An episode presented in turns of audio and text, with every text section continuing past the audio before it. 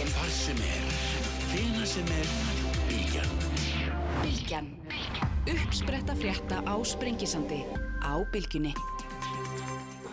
Sæli hlustundur þá höldum við að stað hérna á Sprengisendurum þennan fyrsta sunnudag í aðvendum, fyrsta desember. Uh, þeir verða hjá mér í lók þáttar Stefán Einar Stefansson og Jakob Jarnar Gretarsson blaðamenn, Kolbjörn Óttarsson Proppi og Njál Trausti verða hér alþingismenn þá ætlum við að fjallum Kvassarhaun, uh, Reykjavík og hugsanlegan flutning innanlandsflugs í Kvassarhaun eftir, eftir einhverjar árið ára tíu jafnvel.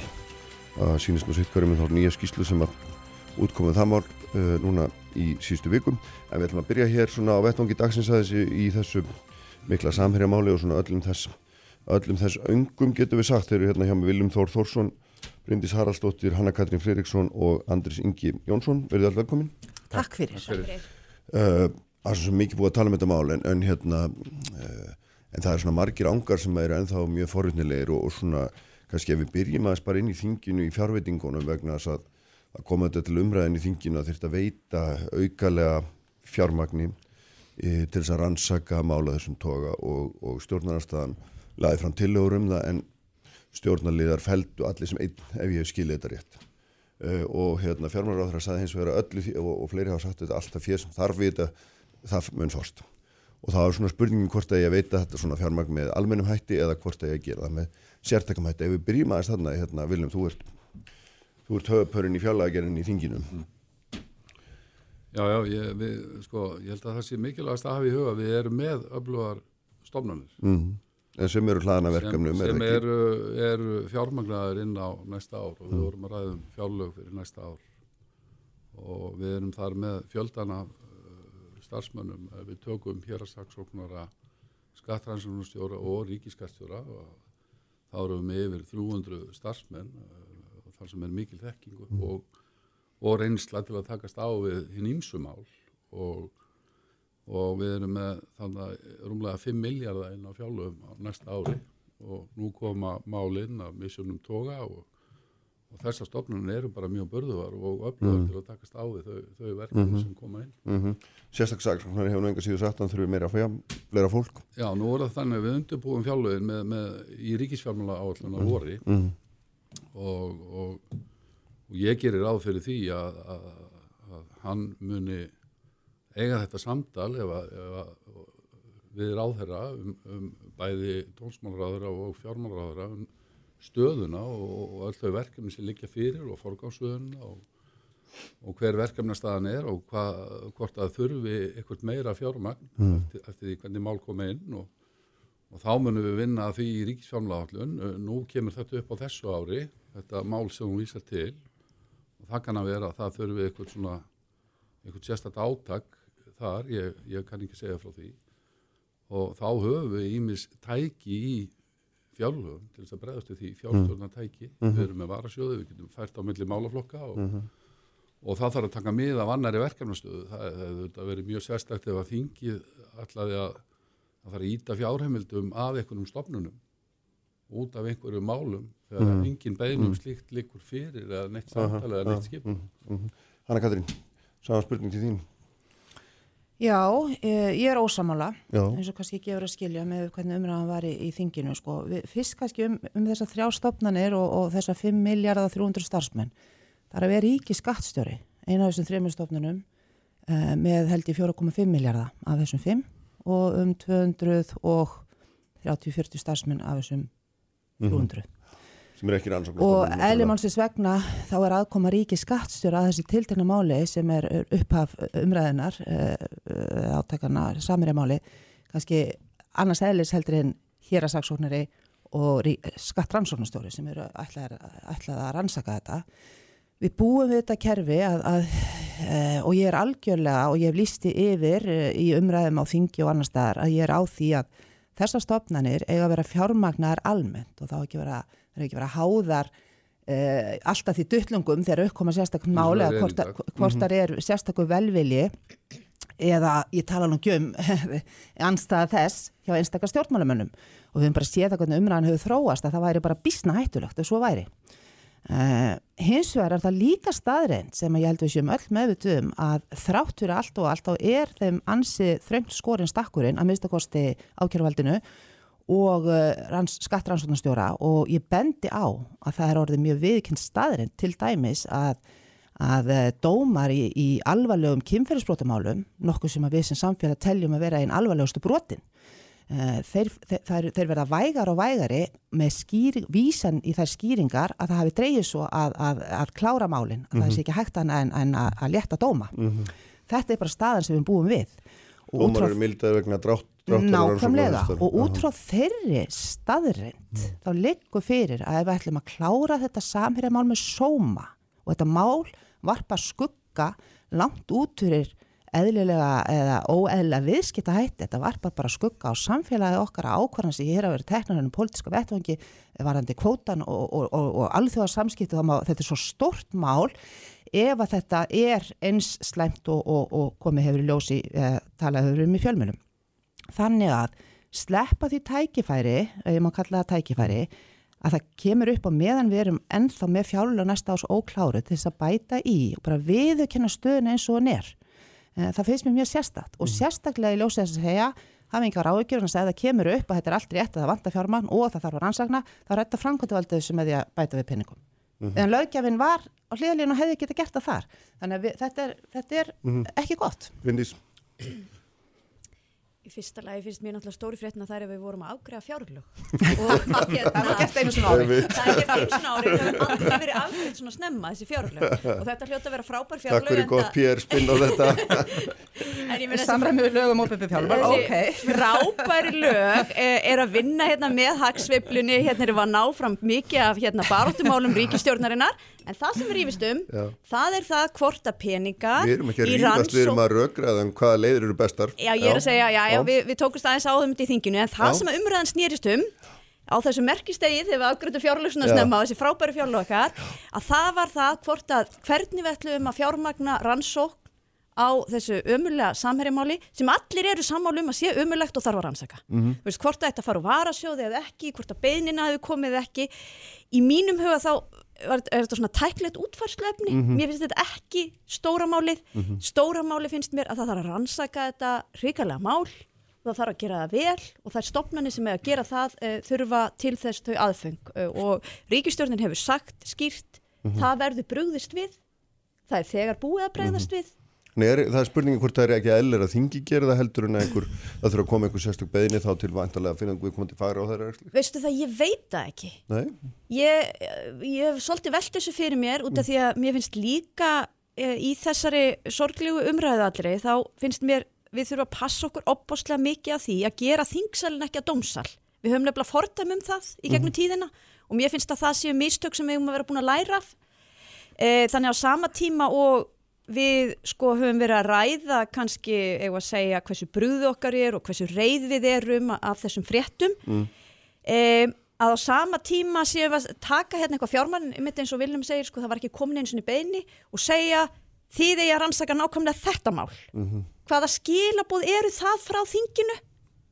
Eru við að segja bara rannsakið og komist að niðurstöðu núna strax og ákjæra þetta fólk eða eigum við að leifa þessum stopnunum að vera hlutlausar og vinna sína vinnu og treysta því til að þau gerir það hratt og örugla mm -hmm. án bytna aðkomu þingsins. Mm -hmm. Já, þetta er hérna áhugavert. Andrés?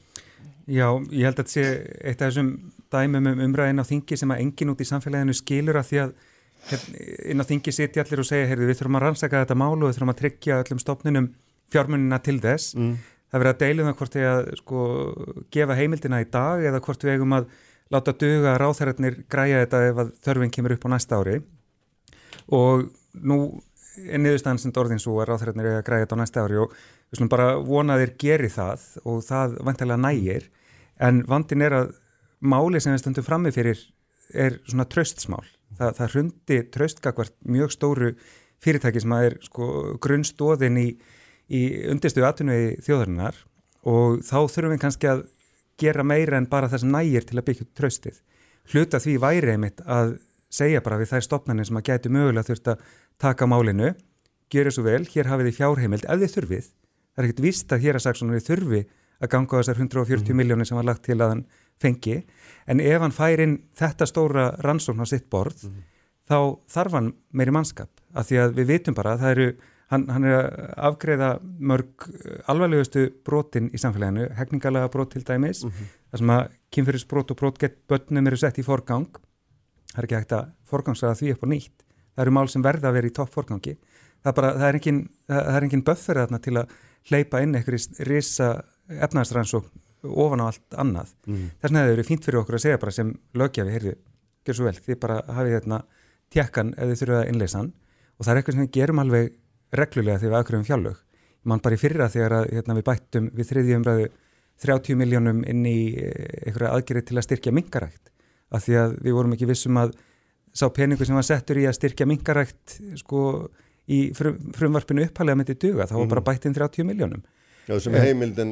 Sem heimild og ég veit ekki hvort það hefur gengið á það og síðan lagt til ráðendisins að sjá til hvort þýrt að nota þetta. Miljardur var, var settur í viðbótar landsfjár heimild til vaðlega ganga, mm -hmm. bara Já. just in case. Já, en þetta er, er aldrei spurningi líka þessu hvort að sko hvort þetta endur spekla eitthvað viðhór til rannsóknarinnar, hvað er minn setja peningana það, hvort það endur spekla eitthvað viðhór til hennar, hvort menn eh, hérna, hugsa með sér þingi verður ákveða með almennum hætti eða hvort að hérna, þetta sé sett inn í hendunar á okkur meðstaklingum. Já, nú er það bara þannig að laugin segja þegar nú er þetta að koma upp á, á þessu ári. Sko. Já, já. Við skulum vera okkur á þetta er 2019. Já.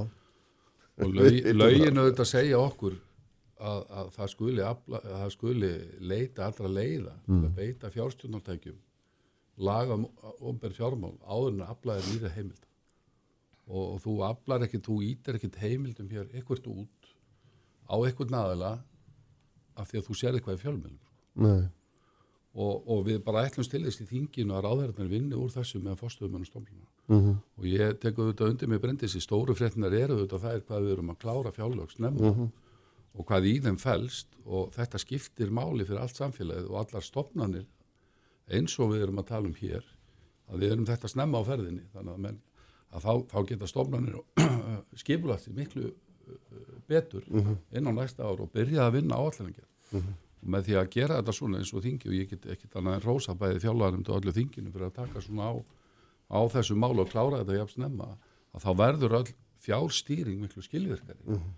og að því að Hanna Katrín fer hér yfir og tekur ríki skattstjóra út, út fyrir sig sko, þá erum við með skattrannsóknarstjóra og hér að saksóknara mjög vel fjármögnu, við erum með 1,5 miljard, við erum með 75 starfsmenn sem að það sem er mikil þekking og takast á við þenn fjölbreyttu verkefni. Mm -hmm.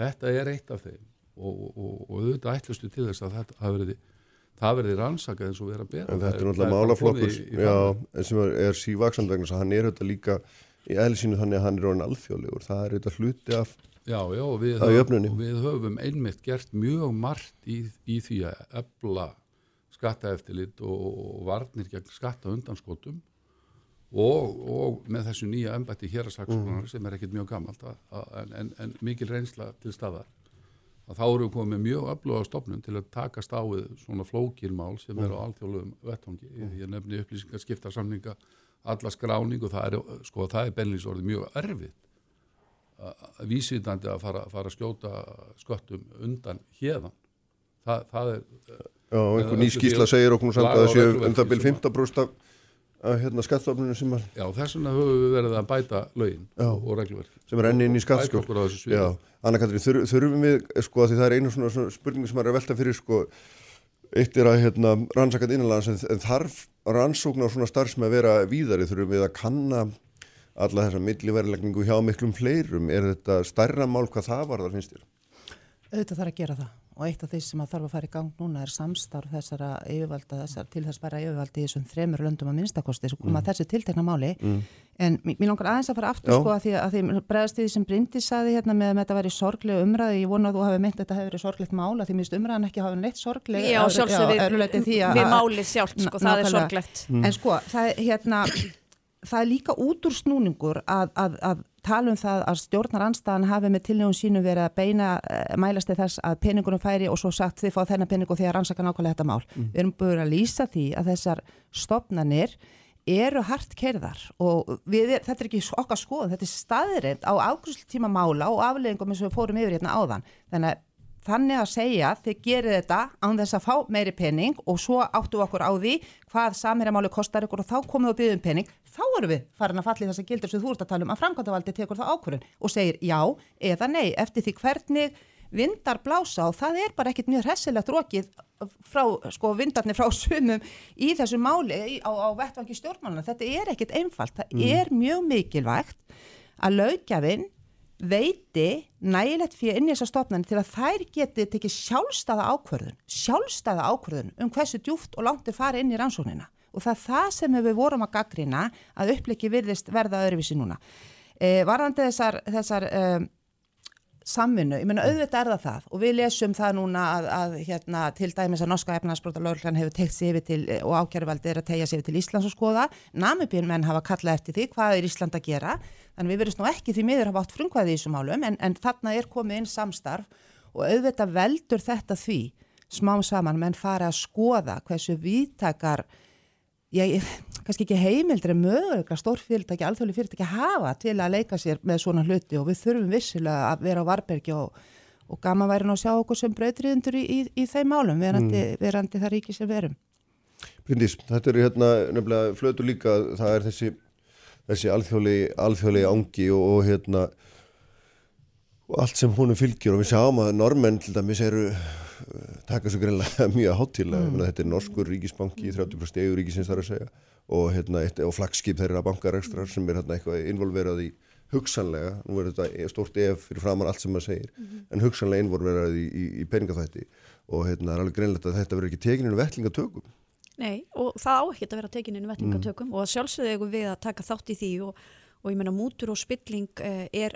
alþjóðlegt vandamál og við erum greinilega vakin upp við þá staðreind að það er líka vandamál á, á litlu fallegu eiginu okkar hérna í Norður Allandsafi og uh, við meðum ekkert loka augunum gagvar því og við eigum að sjálfsögða að taka virkan þátt í öllu alþjóðstarfi að lítur að því að uppræta mm. þessa mm. hluti og ég meina við, það er ekki landsíðan við breytum til dæmis lögunum varðandi mútur bara svo það sé öllum ljóst að það að múta, jafnvel þó að mútunar eigið sér staði erlendis er ólöglegt fyrir ekki samkvæmt mm. íslenskum lögum og ég meina við vorum að sko hérna herða refsinga gagvar því hérna bara hvað ætla að segja, eitt og halvt ár síðan kannski eitthvað. Mm -hmm. og ég man að þegar svo umræða kom upp þá fannst mér það sjálfri fjárstæðukjönd mér fannst það. Mm -hmm.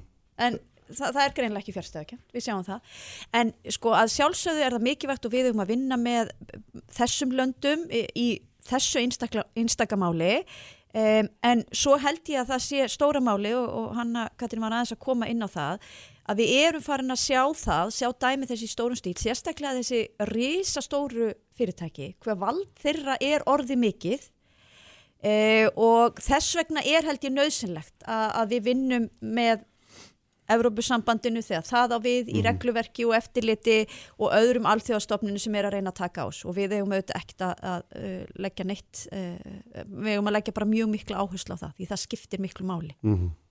Andris?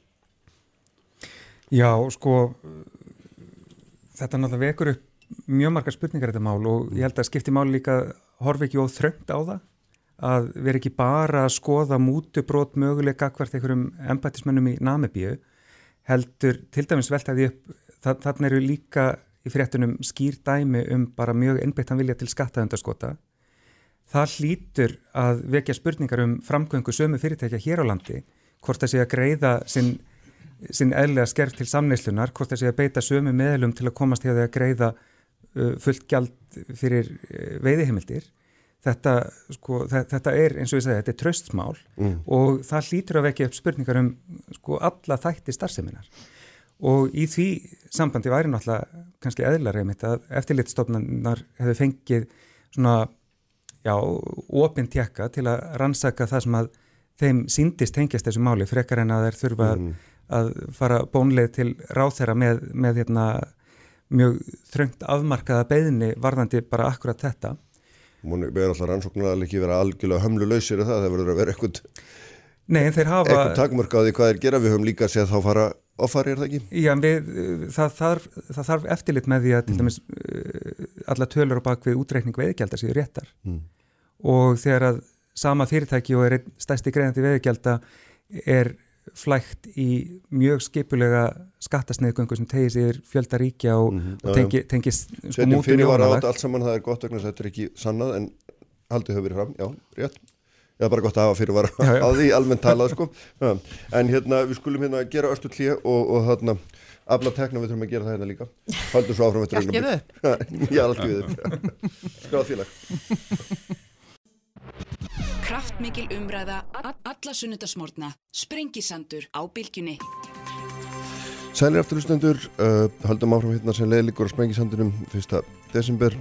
Uh, Stefán Einar Stefánsson og Jakob Bjarnar Gretarsson Blaðmenn verði hérna í, í logþáttarins þeir verði líka hjá mér Kolbjörn Óttarsson Proppi og Njál Þrausti, alþingismenn, ætlum að ræðum Kvassarhönds hugmyndir nýjar í skýslu sem gerð var fyrir sjáróðsræðandi alls ekki fyrir samgönguráðanitið og hérna Uh, Reykjavík og Borg núna og var byrt í síðustu vikum en við erum hér uh, að ræða svona samirjamál og, og svona afleðingar þess og viðbröð uh, Viljum Þór Þórsson, Bryndís Saralstóttir Hanna Katrín Friðriksson og Andris Ingi Jónsson alþingismenn eru hérna hjá mér. Sko, eitt er náttúrulega þessi erlendi hluti en svo er annað þetta hvort þetta hefur einhver áhrif á kerfið hérna heima sem að svona ímist menn segja já það verður að hafa það eða nei alls ekki, þetta kemur kerfin ekkert við.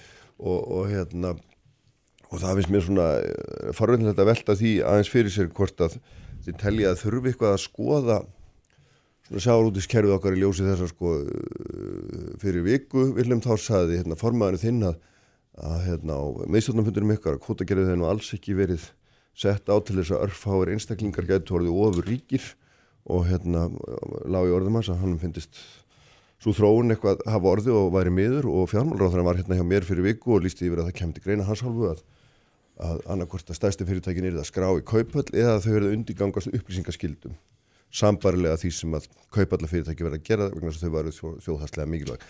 Sko, þarf að gera breytingar þurfum við að auka gagsægi eh, við sjáum það að það er orðið mjög mikið samþjöppun á eignarhaldi. Það eru raunveru bara fimm stór fyrirtæki sem eru ja, gríðarlega hérna, orðin öllu í sjárundunum og eignarhaldið kriskrossið þeim Já, já, ég, ég, auðvitað þurfum við að gera það og það auðvitað ætti ekki að þurfa uh, þetta ömulega mál sem við vorum að ræða hér áðan og þar var ansakaður komið í farveg til þess. Mm. Þannig að auðvitað þegar það er takmarkaður aðgangur að öðlind uh, að, að þá ættu við auðvitað og höfum svo sem verið að leita allra leiða til þess að skapa sátt um það kerfi og það sem að ræða formans var auðvitað, Sigurður Inga Jónsson var auðvitað frábær, hann var að minna okkur á hvaðan við erum að koma. Sagt að fullkomlu hlutleysi. Já, við, já, alveg fullkomlega hlutleysi en, en sko við erum auðvitað að koma úr, úr, úr kerfið sem var algjörlega orðið ósjálfbært, mm.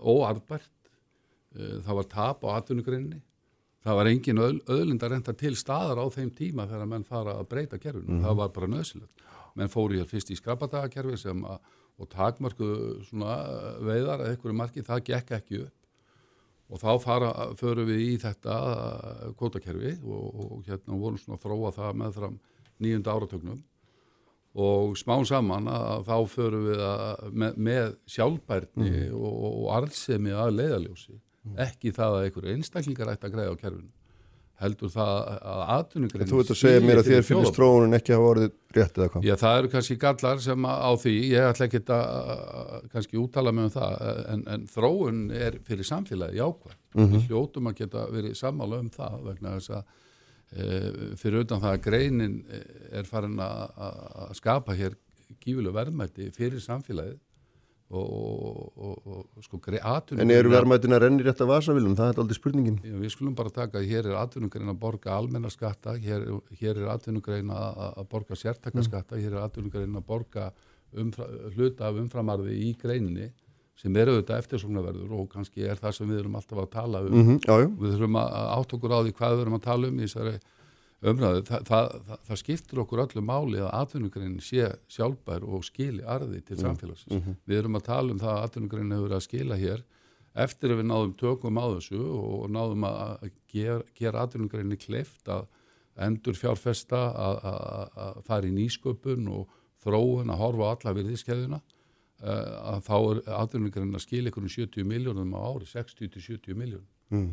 og, og, og þetta verður að horfa til síðan verðum við að koma eh, alltaf að skoða þess að þætti um, um, um, um gagsægi og tröst mm -hmm. og þá er þetta mjög góðar hugmyndir sem, og skrefi sem við verðum að taka mér finnst þessi hugmyndum skráningu eiginlega hefði ekki þetta mál þurft að vekja okkur til umhugsunum um það mm -hmm. ég finnst það mjög góð hugmynd varandi vandar í starfsætti eh, varandi gagsægi og til þess fallið að skapa hér auki tröst mm -hmm. Andrés, vil þú vera næstur um þetta?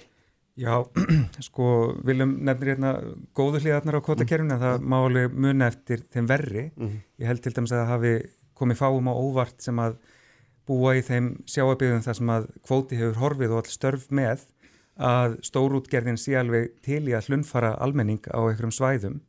Þannig að það að hlunfara almenning í, í, í Namibíu, það er ekkit, ekkit ósöpaði að hlunfara landvinnslu fólk á Akranesi. Mm -hmm Uh, og síðan hitt sem að, að hérna, var nú aðeins uh, komið inn á í ræðu Sigur Inga er þessi svakalega auðstjætt sem að hefur vaksið upp úr kerfinu.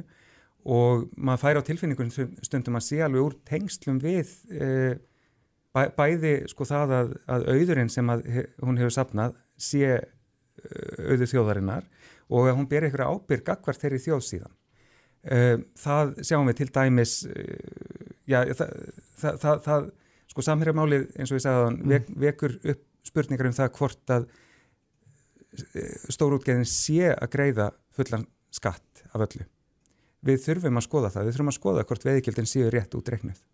Uh, af því að uh, það, það mólast undan tröstinu vegna samhérjaskjálana og það þarf bara að hafa áhrif á, á allt tröst til greinarinnar. Mm -hmm. uh, og síðan sko hefur hefur þessi rosalega austjætt náð að fóta sér í alls konar öðrum atvinnugreinum.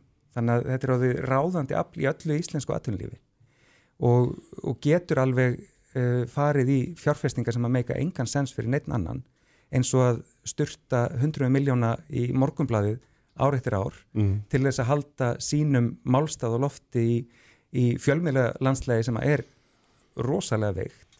En það, þarna bara er fólk sem að munar ekkit um 100 miljónir, munar ekki miljard ef mm. það þjónar þeirra stærri hagsmunum að því að það er svo ofbóslega mikið á spýtunni fyrir þau. Það, það, er, hægt að, það er hægt að selja uh, hlut í, í sjárættisfyrirtæki og ganga út með meirinn 20 miljardar. Það er hægt að eiga hlut í öðru fyrirtæki og, og fá meirinn 5 miljardar á ári í arð. Það eru svo stjartfræðilegar upphæðir að mm -hmm. það, það er svo ofbóslega freysnefandi hjá fólki að ganga á svig við ekki bara lög og reglur heldur bara svona almennt síðgæði og eitthvað svona grundvöld samfélagssáttmálan sem mm. við eigum að vera hérna sammálum. Er þú sammála því að við þurfum að hérna, skoða kerfið eitthvað upp á nýtt í þessu ljósi? Já, ég, meni, ég þarf að spyrja, hef... ekki spyrja þessu, þú varst að þetta fyrir. Já, já, ég var það fyrir og, og, hérna, og það hefur sannlega ekki, ekki dreyið úr því núna og ég held að þessi okkur mjög holdt að muna, muna það að hér hafi verið uh, skipulega mótmæli á, á Östurvelli þar sem að hópu fólks er að koma saman og, og krefjast þess að að segja hér sé nóg komið og nú viljum við þetta auðlinda ákvæði stjórnarskrá. Mm. og ég held að það fari rétt með það búið annar fundur í næstu viku og svo framvegs það er, er heilmikil undir alda fólki þykir nóg komið og af þessum ástæðins sem bæði Viljum og Andris eru búin að fara yfir hérna við erum að sjá fram á þetta fiskveistjórnarkerfi okkar eins mikilvægt og það var á, á nýjönda áratögnum þegar það er sett í gang það leiti af sér þetta við erum annars verið að taka um stýringun á kvóta á fiskveistjórnum og hins vegar endur gældi fyrir það það sem mm. aldrei hefur skapast almennileg sátt. Og núna er svona kristalliserast í þessu máli að, að það myndast þarna e, sko ofsagróði. Það er ekki þetta orða þetta öruvísi hjá einstaka fyrirtækjum sem síðan hefur í förmið sér þessi viðtæku og flóknu eignatengsli í íslensku samfélagi og þannig að það sem er nýta og það líka við að mér segja eðlilega til þess að styrkja þau tengsl þannig að það verður gríðala flókið að vinda ofan af þessu nema það verður bara klifta og það komi e, ákveðum um, um tímalengt veiðheimilda, það verður krafa um auki gegnsæg, við tökum þessi stóru skref og hættum að vera alltaf að kasta því fram og tilbaka það að taka á þessum hluta mm. endurgjaldinu sem þjóðin fær fyrir að einhverju nýti sér þessa í þjónust til að hagspota fyrir okkur öllu vel er þessa þjóðarauðleg að það hafi einhver neikvæð áhrif á það hvernig við stýrum kvótanum og veiðinni þetta er ótengt um, en þetta er alltaf allt komið einn hræri kraut og ég, aðeins að segja En kvótakerfin er náttúrulega einmitt ætlað að sikta út skussarna og halda hinnum bestu á lofti, er það ekki bara nákvæmlega það Jú, sem það hefur gert og frjálst framsal hleyfti þjófram, við höfum grætt stórkostlega, því má ekki alveg slíta þannig á Þa, það. það er þannig, Já. en sko græða stórkostlega, það situr of stór hluti eftir Mhm. í þeir, hjá þeim stærstu. Hann gerir það einfallega, við horfum að argreifslu til þessar stærstu aðila, versus það sem þjóðin fær, að því að þetta er auka skattlagning eftir allt hefur rúlast niður í staðin fyrir að þjóðin fái með frjálsum uppbóði á hluta kvótas hverju sinni. Hvernig sem það er gert, Mhm. að því að það eru nokkrar útgáðu til, endurgjald af því sem markaðurinn telur að þetta sé virði uppála. En allavega, það, veist, þetta er úr flókin umræð hér, en klárlega er þetta og svo þurfum við, við þurfum að, að fara að hugsa á, um þetta uh, gegnsægi. Mér finnst fullkonlega eld að við skoðum það hver verða áhrifin á. Ætla við sem þjóð, er okkur saman s- fyrirtæki sem er upp í stað og dæmt. Mm. Þeir eru stórkostið misferli þegar það er að sísla með yfir okkar að haldi því bara áfram. Haldi kvótanum áfram. Er það bara, er, er samstað um það? Mér finnst fullkonlega eðlilegt að þessi skoða hvaða áhrif slíkt hafi. Um, þannig að, og ég verð að segja að eitt af því sem að veldur mér alltaf í óhug er að fylgjast með fyrstu viðbröðum þessa fyrirtækis þegar máli kemur upp að fyrstu viðbröðun eru að þarna séu fjölmiðlar að ráðast á starfsfólk fyrirtækisins og undir þetta tekur fjöldi fólks meðal annars eh, stjórnmálamenn að, að þessi umræða í staði þeirra að við stjórnmálamenn stígum fram og þökkum fyrir að við þrátt fyrir allt höfum, þrátt fyrir að erfiða fjölmennu umhverfi sem, að, sem að er til hér í dag og ég veit að þú ert að fara að fjallum síðar í þættunum að við þrátt fyrir það eigum það öfluga fjölmjöla og það öflugt fjölmjöla fólk að það vindur ofan á svona málum. Það hefði átt að vera fyrstu viðbröðin en ekki þú að þessu umfjöldun sé að skada starfsmenn fyrirtækis. Með fullri virðingu fyrir þeirri vanliðu sem það hlýtur að upplifa. Bryndís, Hvað er að ég byrja? já, Ég get byrja á því að segja ég þakka hérna, þeim fjölmjölamönnum sem að veltu uh, þessu máli upp. Ég held að það sé mjög mikilvægt ymmit að við höfum öfluga hérna, rannsóknablaðamenn sem geta kafa von í svona mál og, og færa það á borð þjóðarinnar. Þú spyrði í rauninni hvort að þetta mál uh, eigi að hafa einhver áhrif á fiskveið stjórnuna okkar. já, já, og aðalega kannski svona á þetta sem við erum að tala um afgjaldi fyrir öllundina, dreifingu og eignaraðild og, og, og allt það Já. frekar en kannski beinir fiskveiði stjórnuna hvað við veiðum marga þorska og þess að Já, ég held að það sé nefnilega mjög mikilvægt að greina á milli út að Já. sumir fóru það langt í umræðinu þess vegna er mjög gott það sem að kom hérna fram á þann sko, að, að við höfum náður rosalega miklum árangri með Allir fiskveistjórnuna sammála kerfið það, okkar. Og það er tölverk gegnsæ. Og ég hefði vilja óska þess að, að namibíumenn hefðu náð að fara alla leið í þeim efnum þegar við vorum að, að aðstöða þá á sínu tíma við að koma upp svona einhvers konar kvótakerfi til að tryggja það að það veri sjálfbar nýting á auðlindinni. Uh, formaður minn nefndi það hérna í þættunum hjá þér uh, síðustu helgi og ég held að þú hefur líka verið með forstöðumann eða forstjóra uh, kaupallarinnar sem voru að ræða þessi mál og ég verða við ekki, mér finnst það sko mjög góðar hugmyndir og mér finnst full ástæð til þess að við veltum því upp frekar. Það er í rauninni bara líka vandamál hérna hjá okkur hvað hlutabriðamarkaðurinn er, er veikur, hvað eru fá fyrirtæki skráð og hvað eru fáir sem eru raunverulega fjárfesta. og ég held að það sé full ástæð til þess að skoða það og hvetja til þess að sjáuröldusfyrirtækin, þessi stóru séu í auknum mæli inn í kaupöllinni. Um, fyrir það fyrsta þá er það auðvitað ákveð gegnsægi og upplýsingagjöf sem í því fælst en ekki síður að þá væri það kannski einhver leið og ég skil nú eira ekki í þessum fyrirtækjum sjálfum að vilja bara ekki vera inn í kaupöllinni til þess að tryggja kannski aðeins jákvæðri umræðu. Já, þau voru það náttúrulega voru það mörg og, ég hérna, meina það já, er nú allavega eitt þarna en þá Já, já, Eh, brimir hérna þá Brimir Já. þarna en þá að það er, þú veist, gefur þá hérna almenningi tækifæri til þess að fjárfesta í þessum fyrirtækjum og kynna sér þau betur. Þannig að ég, ef að það þarf einhverjar aðgerði til að stýra því þess átt að þá finnst mér full ástæða til þess að taka það upp og, og, og, og ég er tilbúin að ræða það. Varðandi að sem að Hanna Kata komið inn á sko auðlindar ákvæði í stjórnarskrána, já, ég, Með tímalengt. ég er, ég er sammála því. eh, það er auðvitað alveg ljósta að flokkarnir hafi ekki alveg verið sammála þegar kemur að kvótakerfinu og útfærslu það já. en mér stóð rosalega gott að heyra það hérna, fólk sé allavega sammála um það að þegar það var sett á sínu tíma að þá var það að ástæðu og við erum búin að ná utan um það, við erum hérna með sjálfbara nýtingu á auðlindinni og við erum með fyrirtæki sem að sína hagnað af því að hérna, veiða fiskin okkar og þau skila hluta þessa hagnaðar inn í þjóðarbúið og það er bara ekki staðan í mörgum löndum í kringum okkur. Þar eru þetta oft mm. ríkisstyrt hérna atvinnugrein og það er allavega mikið vett að muna það en svo get ég algjörlega tekið undir það þegar maður heyri fréttir af einhverjum, einhverjum ofsagróða og argreðslum hérna út af þessu fyrir, þá hugsa maður, ha, er þetta eðlegt? Mm. Átt að vera svona? Mm -hmm.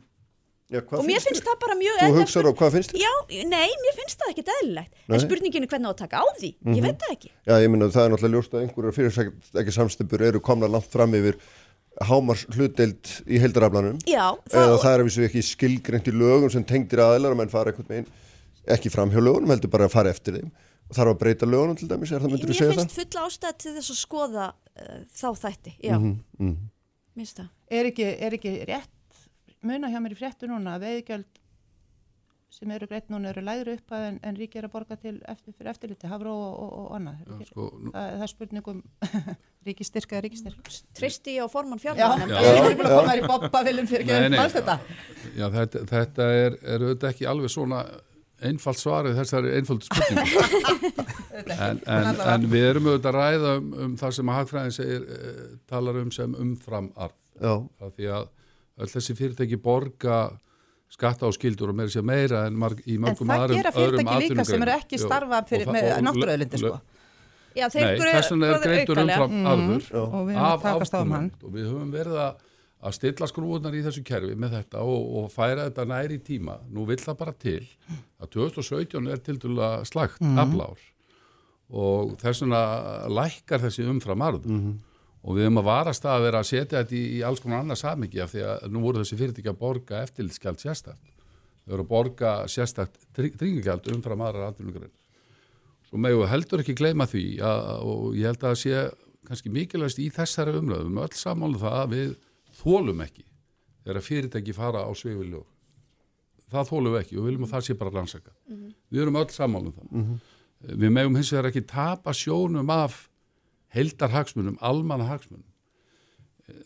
Samkefnishæfnin aukinn samkefnishæfni greinar hefur gert það að verka, við höfum getað farið út í mikla nýsköpun og við höfum öll að stefni átt af því að, að svona færa öllindadreifu hækir yfir í, í, í, í nýsköpun mm -hmm. sem er okkur bráðnöðsilegt hér hefur skapast af þessari aðlumgrein af því við riðumst í að breyta kerfinu. Uh, hátækni yðna mm. í matalaframnuslu, í, í fiskvinnslu uh, og, og, og að því skæðin kom hér upp fyrir að skæða það ekki ef að hérna, við erum að grafa undan þessu með einhverjum svona aðgerðum. nei með einhverjum svona aðtæfi 20 miljardar til, til verðmætaskundunar og ef að svona mál ef við töpum sjónum á þessu öll og heldarhagsmjörnum að þá eru við fyrst komin að vondast það mm -hmm. og það er það sem við verðum að halda til haga. Við -hmm. erum komið ágættiskerfi við erum að, við erum að skatleggja umframarðin og við getum stilt skrúunar í þessu. Það er augljóst að svona stæstu fyrirtækin með mestan kvóta eru bara mjög börðu það já, blasir við. Já. og þá hefur við bara stilt skrúunar í kerfinu. Uh, nú, nú vill að til ef maður skoða tölundar í þessu þá er, er, er framlega hlutu að fara niður.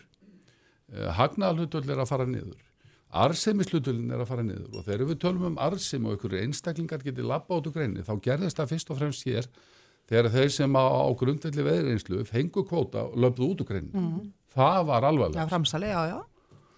við getum í dag mm. stilt þetta kerfi og sagt já, í sjávarútu eiga menn bara að fá arð mm. Eh, þeir sem eiga hlut í fyrirtækjum mm. og, og, og, og áhættu sem fylgir því oh.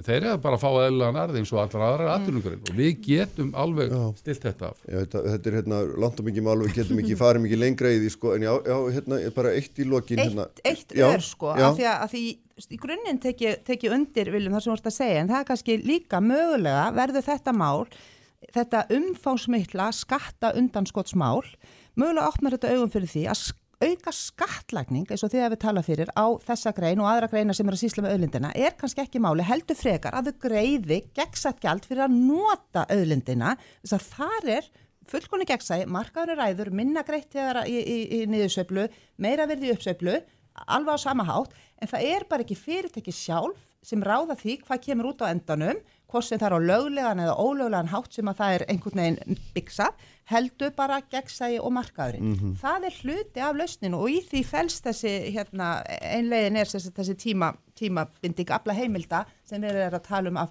af fjöldamanna vilja fá inn í, í auðlita ákvæðið og ég veit að þið hafið til Ég bara tek undir, við hefum að geta unnið að þessu. Það er svo gott að við erum öll nákvæmlega einu málum með allt saman, þetta helst að deilum alveg áratuga, það er hérna, er, það var gaman að fá ykkur og, og hérna takk fyrir að koma öll fjögur, hérna rétt, hérna Viljum ég veit að þú ert að hlaupa út að fara í Körbólta, vonandi ekki að spila sjálfur, en hérna Bryndís og, og Hanna Katrín, hérna Andris, eitt áður og þú færð hérna rétt, þú skiptur um, skiptur um flokk út, skoðst í U-flokkin, utangarsmannaflokkin, hvernig hérna þetta lítur að vera aldrei ákvörðun að þinni hálfum? Þetta var það, þetta var ekkit einföld eða auðveld ákvörðun en ég held að þetta hafi verið svo rétta. Mm. Uh, við náttúrulega vorum ósamala um, um upphafstjórnarsamstagsins fyrir já, tve, tveimur árum. Já, þú varst svona halvur utan og halvur innan einhvern veginn. Já, og svo bara einhvern veginn þegar ég leitiði farin veg síðustu tveggja ára þá, þá sá ég að við höfum frekar svona verið að vaksa í sundur en, en saman og, og þá var þetta bara, fannst með þessi tímpunktu komin. Já, var það eitthvað, þú hefur talað um umhverjusmálinn?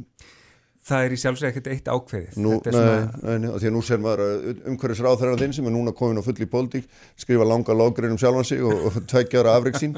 Ég minna, Ertu þá ósóttu við það sem hann hefur nátt? Nei, hann, hann er sennilega besti umhverfisáþara sem þetta land hefur haft já, og, og það eru meiri fjármunir en hann geira en, já, en þá getur þú alltaf verið ósóttur við þáttökunni en vandin er að, að sko, hann, hann alltaf taka við bara mjög lélegu búi eftir að, að þetta ráðanetti mm. hefur verið vannrækt meira um en alla tíð.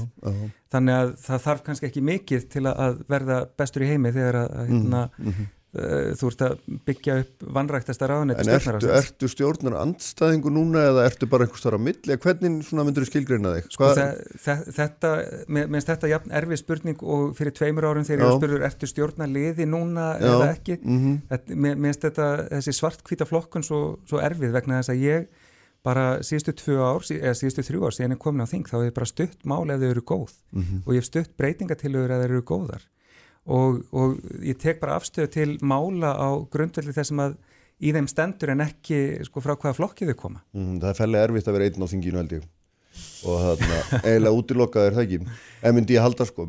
Spurðu mig eftir nokkra mánu, þetta er ekki tengur. Ég veit það ekki. En ertu ennþá vistur grann í hértaðininu eða, eða ertu að færa það eitthvað annað? Nei, ég var, hérna, ég valdi mig þennan flokk þegar ég gekk hérna fyrir tíu árum út af mm. stefnunni. Já og, og það hefur ekkert breyst hjartalagið eða það sama. Já, herðu, Ljómandi, gangiði vel með þetta hérna, utan garsmennskuna herðu, Hanna Katrín og Bryndís takk fyrir kellaði fyrir að koma og takk hérna fyrir. ég held áfram með nefn til önglublík Kolbjörn Óttarsson Proppi og Njálf Trausti alþingismenn við ætlum að tala um Hvaðsarhaun, Reykjavík og Hljóðvall og alltaf Sprengisandur á bylgjunni. Sprengisandur á bylgjunni alla sunnundasmórna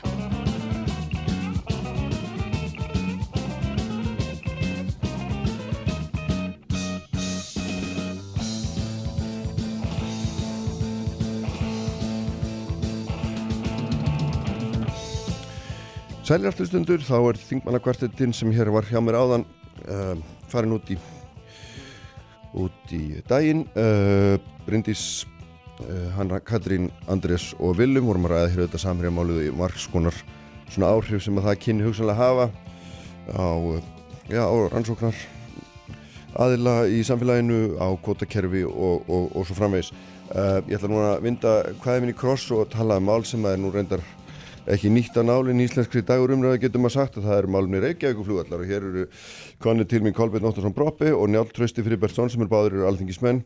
Kolbjörn fyrir Reykjavík og Njálf auðvitað norðamaður og hérna mikil sérfræðingur á þessu sviði flugumfærastjóri um, Kolbjörn hérna verður að klíma við það.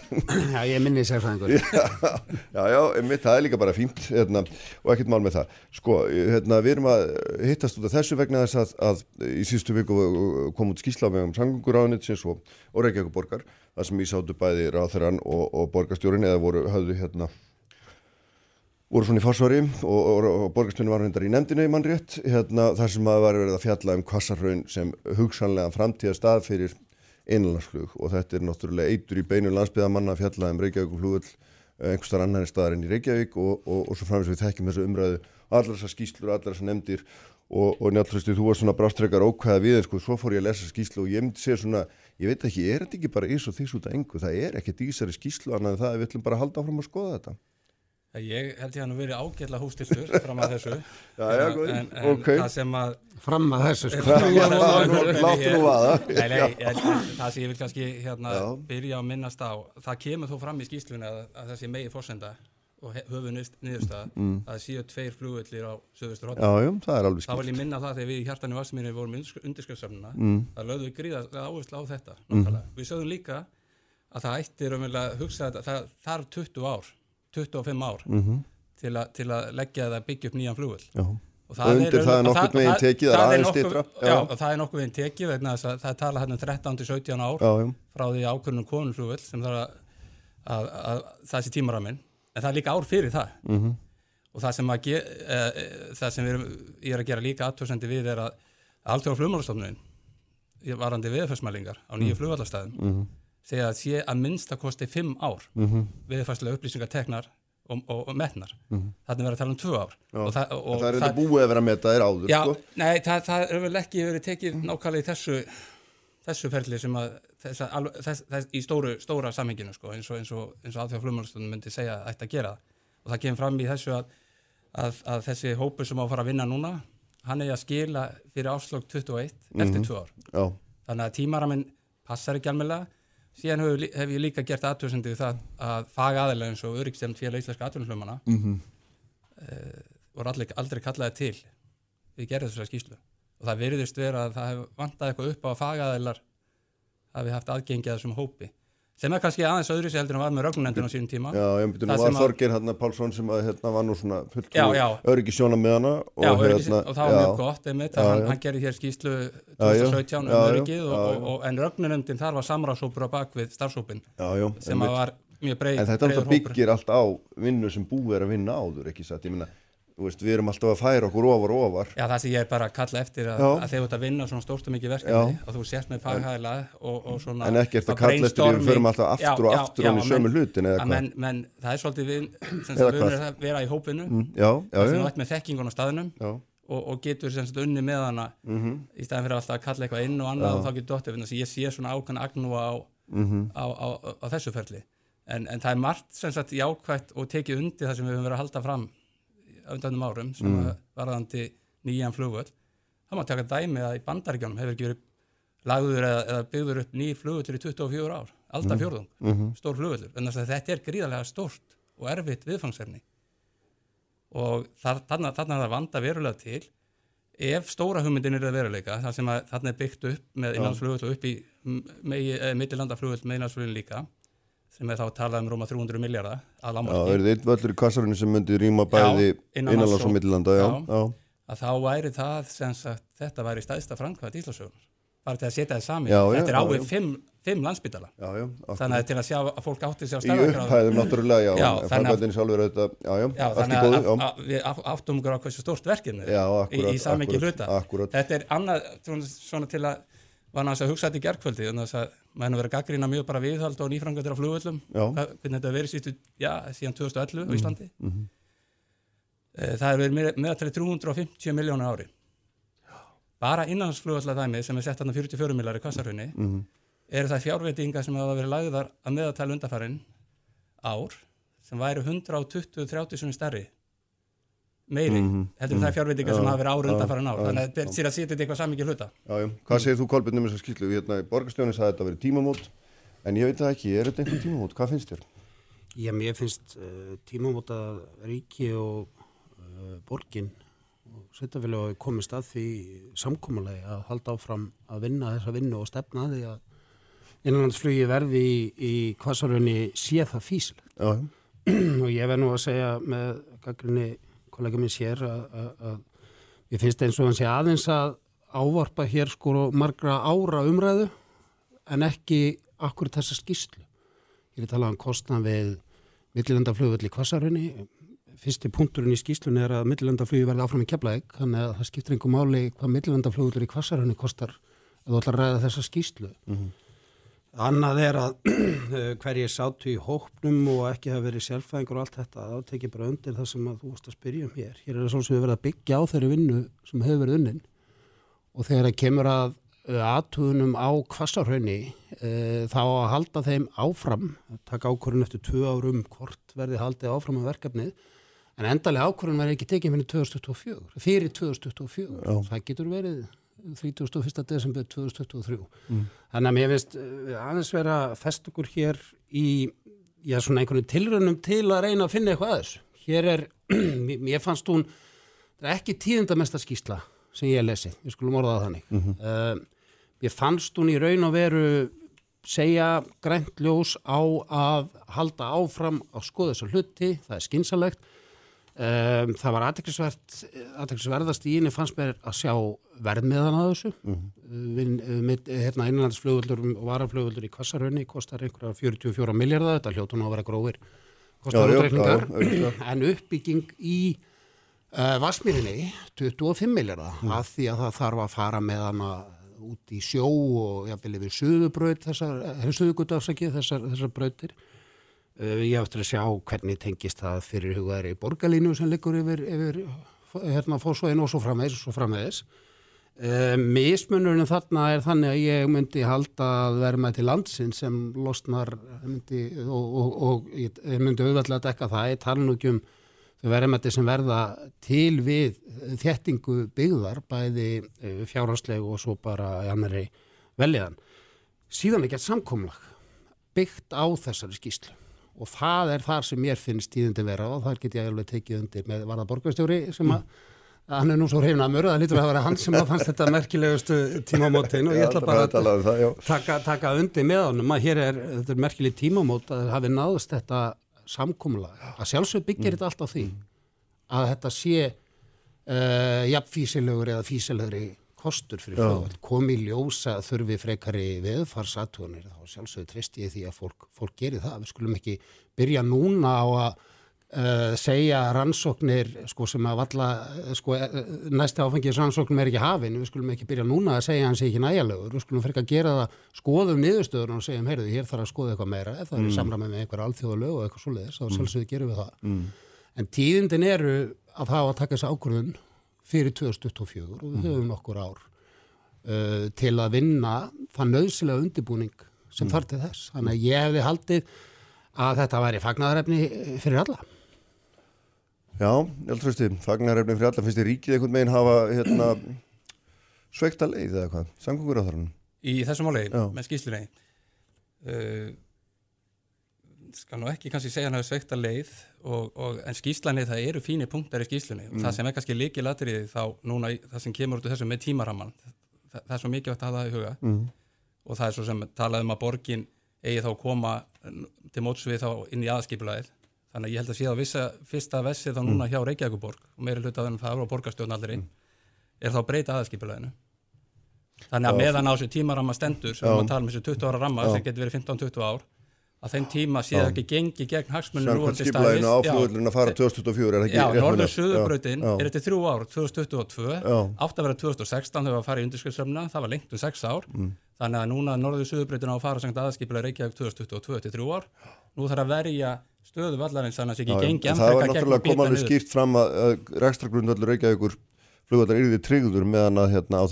Já, stendur öllu var það ekki og þess, ef þú ætlar að gera það bara mm. stjórnsýslunni og annað, já. þá þarf þetta að breyta aðskipulaðinu mm -hmm. til mótsvið það mm -hmm. þannig að það sé á hreinu að það sé verið að verja hagsmunni í deilisskipulum og aðskipulaði borgarinnar -hmm. í stóra samminginu -huh. þannig að það er þá líkið latrið líka þannig að við höfum náttúrulega síðan fyrir nár það er búið að bita og bita niður og, og breytja niður flugvöldin Já, en það er náttúrulega, markmið Reykjavíkuborgar hefur náttúrulega verið að færa, ég minna það er alveg auðlust mál, það, það, það En það er þá líka gott að, að eins og borgarstjóri, það kom fram í máli borgarstjóri að haft eftir honum í morgablaðinu núna í, í nógumber, mm. að hann hefði ekki verið búin að átta sig á þessu mikilvægum öryggis hlutverki Reykjavík-flúallar. Sem, sem varaflúallar? Já, og bara almennt mm -hmm. og, og, og sem varaflúallar líka. Mm -hmm. Þannig að hérna, það getur vel að sé að það eitthvað breytast. Það kemur óvart, verulega óvart eftir að hafa sittið í raugnendinni og verið öllum þessu nefndum í mm. gegnum árin -hmm. að 2019 sé aftur þessu hlutverki en sko, já, já. bara aðeins hérna með já. aftur skil ég ekki alveg þessa gaggrinni, það er eins og njáltrösti hefði getið verið að lesa upp úr frétta tilkynningu Reykjavíkuborgar það sem segir með millifyrirsögninni Reykjavík gerir breytingar á aðalskipulega mm. það sem er sérstaklega komið inn á það aðalega séu sammála um að tryggt verður ekstra öryggi á Reykjavík hlugullega meðan undirbúningi og gerðin ís flugvallastendur Uh, þar með, með að verði verið Reykjavík hlutlikið áhrif þjónað, Reykjavík bjórlýsir við vilja sín til þess að tryggja nöðslega breytingar á aðalskiplaði Reykjavíkur í samræmi við aðra málskrein 50 greina samkomlags þessa. Aftur finnst mér það sem er njáltrösti kynir þessi gaggrinni í raun og er að fullkominn stuðningur við þetta samkomlag. Mm. Þannig að þá vantarlega er, er Kolbeitt félagi með þá bara sammála um það að, að þetta sé gert fyrst farið strax í þetta að breyta aðskipulagi borgaran til að verja þessa stöðu. Já, þetta er í samkomlæði. Við þurfum ekki að draga já, það sem einhver gaggrinnispunkt á samkomlæði að draga fram einn á stóru punktur í samkomlæði. Frekar ættum við að fagna því að þetta væri svona, frekar en að vera að setja það fram í neikvæðan hætti. Þetta var nákvæmlega ekki virt til dæmis eins og eftir undskriftaðina 2013, höstið 2013 að það liði örfáða vikur, mm -hmm. örfáða vikur, held að vera 5-6 mm -hmm.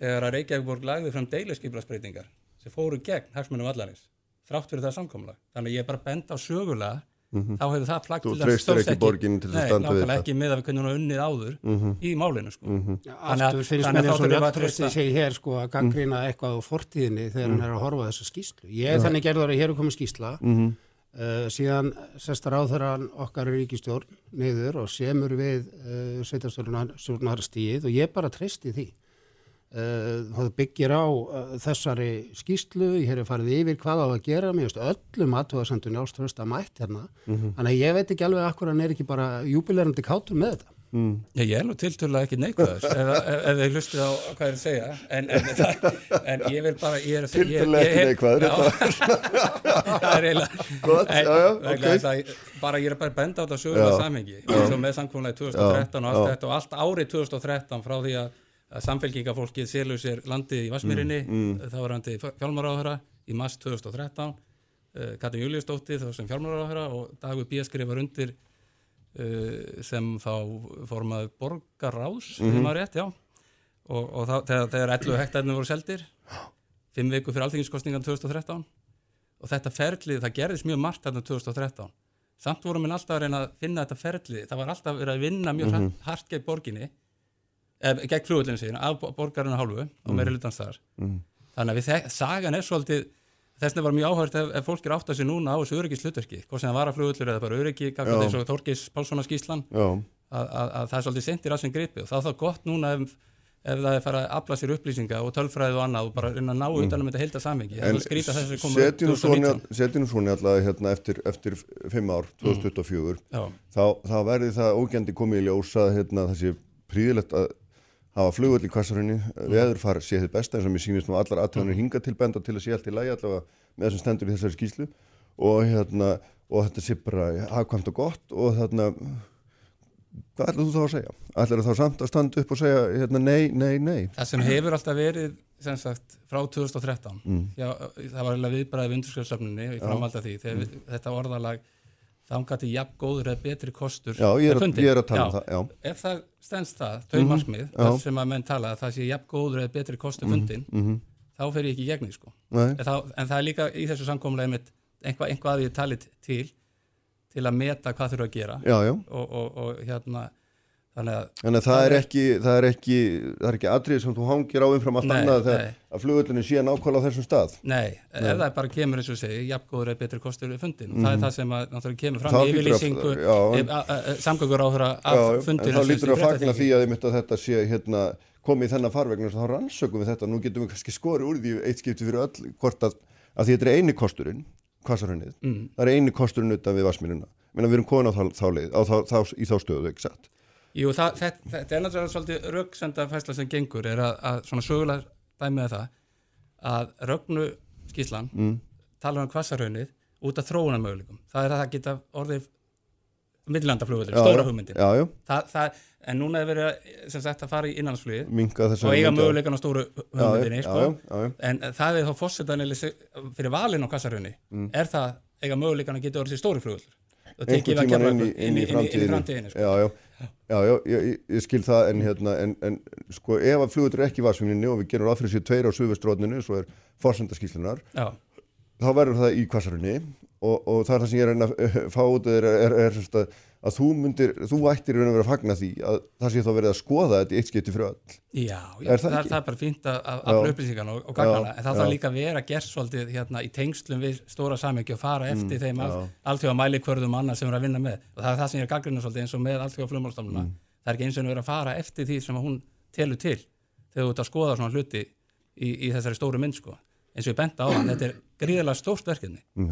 skoða sko. það, þetta er Þetta í staðista framkvæmt En Íslandsögunar. stóra hugmyndin er ekki, er í grunninn, hún er afskrifuð í þessar skýslu. Ég meina, hún Já. er svo stóra, hún er En hún afskrifuð. var aftur fórsenda fyrir því að tala um kvassarunni í byrjun sko. Já, þannig Þa, þannig að þá- þetta, er- þetta er alveg orðið svolítið hringavillins að sjá Uh, þú ert alltaf að koma inn í hring vegna þess að nú ertu búin að segja mér að þú ert ekki sammála kvassarunni alveg saman hvað er að því að fá búið klippa fórsendur á mynda því. Nei, ég, ég er bara að benda á það að rauksendafærslan að, að rögnu skýstunni hún talar um kvassarunni út af trónum þannig að að verður það staðal En hvað er, sko, ég veit ekki, að- ég, ég, þú ert, hefur verið talsmaður þess, Kolbett, svona, meint og óbeinda, hérna, værum ekki með flugvill í Vasmírinni og þarna, og, og, og svona mörg skoðanasinskynning myndi sjálfsagt segja núna, hérna, það sem hefur gerst í þessu er að það búið að festa flugvillin í sessi með þessar skýslu í 20 ár, að lámarki þarna, og hérna, og, og, og hérna, og raunum verið búið að stilla upp dæmi þannig að líkunar á því að hann verði fluttur, þær fara mjög hratt minkandi. En ég veit ekki, ég er að leggja það tólkum fyrir þig. Já, nei, ég er bara ósamlega þessar Já, tölum.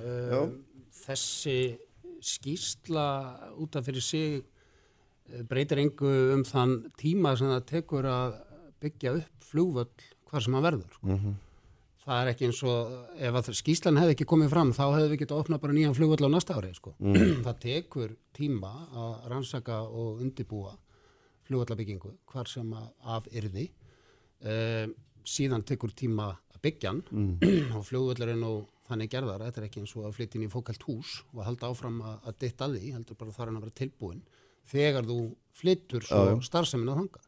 Þannig að alveg óháð þessari skýslu þá hljóta allir að hafa gert sig grein fyrir því að það tæki ákveðin tíma frá því að það er ákveðið að fara í flugvöllabyggingu á einhverjum öðrum stað. Mm. Þanga til að hægt væri að það bara slökka ljósin á, á flugvöllunum í Vasmininni. Þess vegna finnst mér þessi skýsla þvertamóti draga fram kostina af því að uh, fara í alvarlega skoðun á, á kassarhrauninu og aftur, maður nennir alltaf að taka það alltaf fram, það er bara það er svo mikið grundallara atriði hér og allir segja það, við erum að tala hérna um jafngóðan eða betri kost. Já, við ætlum já, að tryggja að það þarf ekki að vera að draga það, alltaf fram. Og við skulum horfa á kassarhraun og ég er ósamála því sem að kollegi minn segir hérna, segir að að sko, og mér finnst þetta kannski, hann er kannski orðin of mikil sérfræðingur í málinu, því að hann, hann þekkir hér orðið sko minniluta álit úr einhverju nefndum fyrir tíu árum með eitthvað svoleiðis og ég held að geti verið að, og geti verið félagum mínum holdt að bara aðeins reyna að reynsa hausin af þessu öllu og koma alveg ferskur að þessu. Því að það er ekki verið að, að ég er ósamlega því sem hann segir hér að, að, að fórsendan fyrir kvassarhunni sé stækkunin. Það er ekki það sem ég dref út úr þessum fimm punktum sem að skýslu höfundar sjálfur draga fram. Fyrsti punkturinn, keflæk. Anna punkturinn, kvassarhunn komið áfram til greina áall, uh, sem þá fullbúin innanlands og varafljóðlur. Það getur vel verið að menn hafi farið sta af stað að skoða kvassarhraun sem að þar er það að vera þessi stóra mynd.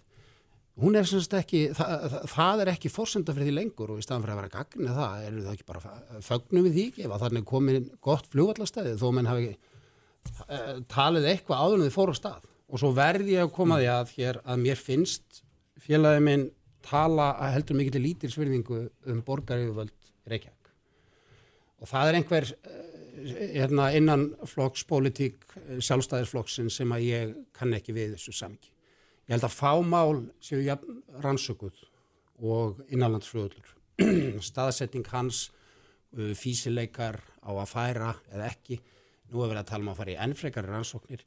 Ég veit ekki hvað borgarstjóri hefur látið út úr sér í einu viðtali hér eins og mér heyri snjáll vera að vitna til en að draga það fram eins og menn hafi verið bara blanko hér í Reykjavík ekki haft hugmyndum uh, mikilvægi fluglarins finnst mér uh, ódýrt pólitísk trikk.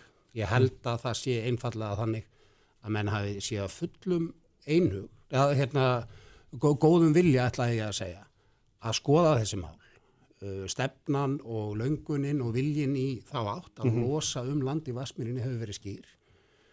Uh, það er eins og alltaf verið fórsendan að það ætti að fara að, að, að öryggis atriðin skipta öllu máli. Mér finnst þetta bara uh, þróun, þetta tekur langa tíma eðlilega, þetta eftir ekki flugvöllur sem þetta flytja. Og mér finnst þetta bara vera á réttir leið og það hefur verið unnið að þessu faglega. Já, Já, á Já. ég þá að byrja. já, gjör svo vel. ég meina, Þessu var beintið þín. Já, já. Það er einmitt þetta sem ég er að, þessi faglegi hluti og rannsóknir og annað greiningar Mhm. það er búið að taka tölvöld Þe- þess- þetta er mikið til að koma bara allra síðustu tveimur árum eða svo, þreimur árum Mhm. að menn fer að að rannsaka og reyna að greina hlutina það er mikið gaggrinni og, og til dæmis á bara frá eins og atvinnuflumunum á það að þeir ekki haft neina aðkomu til þess að þessari kvassarhundsnefnd núna þeir hitt hann aldrei Mhm. það er aldrei verið neinn aðkoma sagt, eða helsta fagaðila sem sagt aðtöðsendi við slík mál á Íslandi sem eru örgistönd félag íslenska atvinnuflumana Mhm. aldrei Báðu Og- og en að hitta nefndina, veistu það? ég hef ekki hugmyndu það Nei. og, og, en það er bara svolítið sérstætt sko Mhm. að, að það skulle ekki hafa hérna gerst það verður náttúrulega að halda því til haga í svona stóru máli þú verður náttúrulega að halda svolítið þessu sögulega samhengi við tókum sama tímalínu í stjórnskipinu og eftirlitsnefnd fyrir einhverjum tveimur árum um, um, um þetta mál Mm. sem er alveg áhugaverð sko þá fæður mér einmitt að hugsa í þessari tímalínu hvað var að vera að taka ákvarðan um þegar voru ekki eins og til einar gögn um öryggislutverkið, mm Mhm. varaflugvillina og allt þetta það er bara mjög mikilvægt í svona flóknum máli eins og þess, svona máli er að þetta sé vel upplýst flug er grundallar atvinnugreinu í Íslandi sem að ferðjóstan byggist á, við erum að tala um þess að varaflugvilli Mhm. og maður er nú verið að, að beina, reyna að koma þeirri umræðu inn í þingið að fullum krafti uh, 2011 þá hrýnur fjármögnun á öllu kerfinu innlandsflugvillakerfinu, fyrir utan keflæk þegar að varaflugvillagjaldið er tekið og það er bara sett inn í keflæk í staðinn, það er bara milljardur á ári þá verður til þessi vannbúni eða sem þá fer bara fjár, uh, þá er verið að verja um 350 miljón til nýframkvæmda Já, já. á, á vellum og já. á sama tíma vex eins og við þekkjum, ég meina það var 25 flugvíla sem lendu farþáfóttur í Keflavík 2010 það eru 70-80 í dag og upp í 110 það mest lætur yfir sumatíma Mhm. en á sama tíma ertu ekki búin að tryggja á sama tíma er umræði hér á Suðvesturhóttinu um varaflugvelli umræðin hinga til að verið hjá mörgum að þyrsti bara eitt Suðvesturhóttinu Já. það, er er komið þannig að það er svo málið er svo feikið stort í stóra samhenginu sko. Já. er mjög flókið sko. þannig að til að taka alla breytunar inn Mhm. þá þurfa að það þarf fólk að setja þessi verulega inn í málinn í stóra samhenginu Já, já. Ég held að flestir hafa reyndar talið sko og við erum náttúrulega 99,9% okkar leikmenn í þessu að, hérna, að varaflugvöllur væri ekki við hliðin á aðalflugvöllunum sko heldur var í varaflugvöllur fyrir norðan eða austan Já. það væri til lítils að vera með varaflugvöll eh, sem er í næsta húsi Já. ég held að það sé nú bara svona almenn skinnsemi með og minnst hvort þið þekkir ekki málið í, í hörgul sko. Já. Er það ekki? Já, sko, það, það getur svo margt annað komið heldur bara veðri sko, svo, Já, já, eins og- við þekkjum hérna, Já, eins og atvikina sem hafa verið að koma undan fyrir tvö ár keflag sína sko, þannig að þegar Já, vélar stoppa á endum brauta og, og annað. Og til dæmis eins og Æsland er yfir mandar rétt Mm. að 80% að þeirra brottflugum út í keflag þá er Reykjavíkur flugullu varaflugullu Já. þannig að til dæmis. Já, já, þannig að það er alls konar svona sem kannski er svo lítið í umræðinu og menn er ekki með á hreinu hvernig þetta- virkar við þurfum hins að bara hafa góða já. með flugvallastæðum sem geta tekið þennan gríðarlega fjölda við erum náttúrulega að vega saman eitthvað mál sem er í grunnum kannski ekkit er ekki eðli skild sem er annars vegar risastórt land í hjarta borgar sem er gríðalega verðmætt fyrir alla þróun mannleg samfélags og hins vegar hérna, staðsningu flugvallar Mm. og þetta tógar hvað í annað skilur Já, já. og, hérna, og, og, og við getum ekki bæði er mikilvægt og getum og hvoru er lítið gert sko.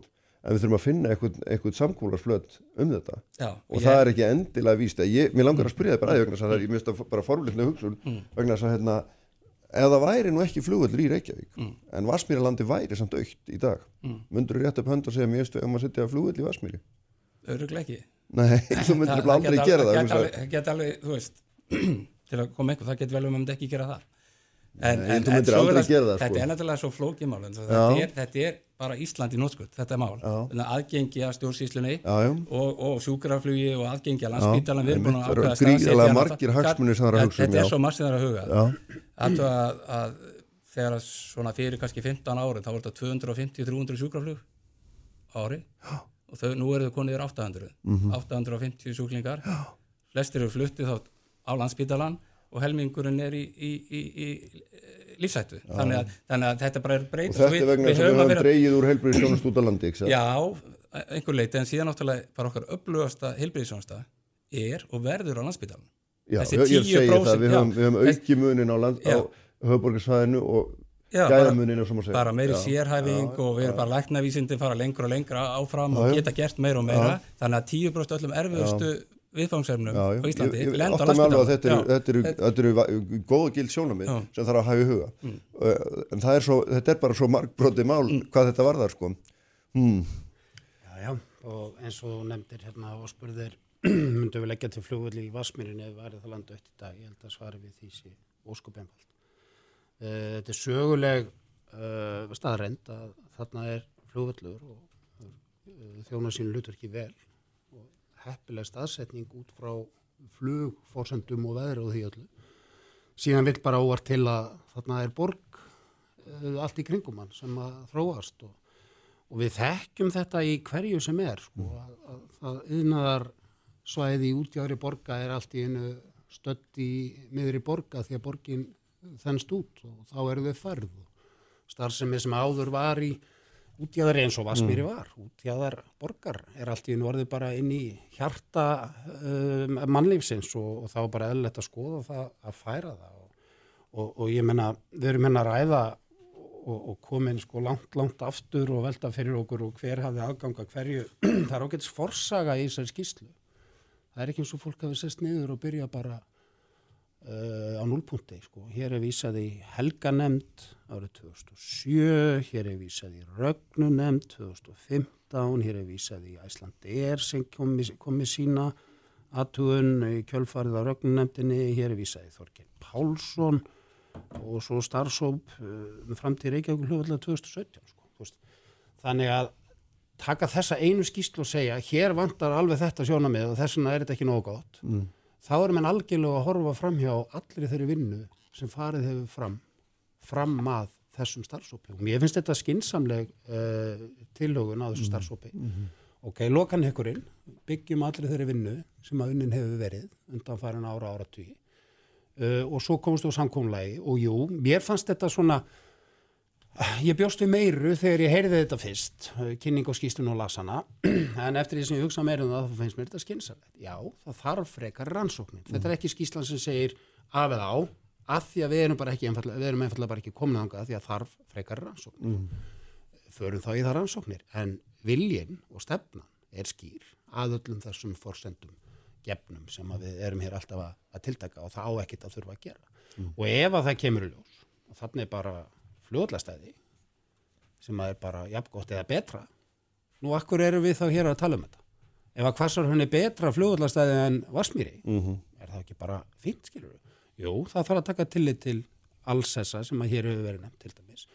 Sjúkraflug og fleira, þetta er eitt af því sem að farið er yfir í skýslunni og skýsluhöfundar eða allavega skýsluhöfundar fóru yfir á kynningafundi umhverjus og, og samgöngunandar það þarf að taka tillit til þess. Aðflugað spítulönum og allt þetta íbúðabegðin sem að vonandi kemur í Vasmirinni, ég meina hvað hva má hún vera háskil mm -hmm.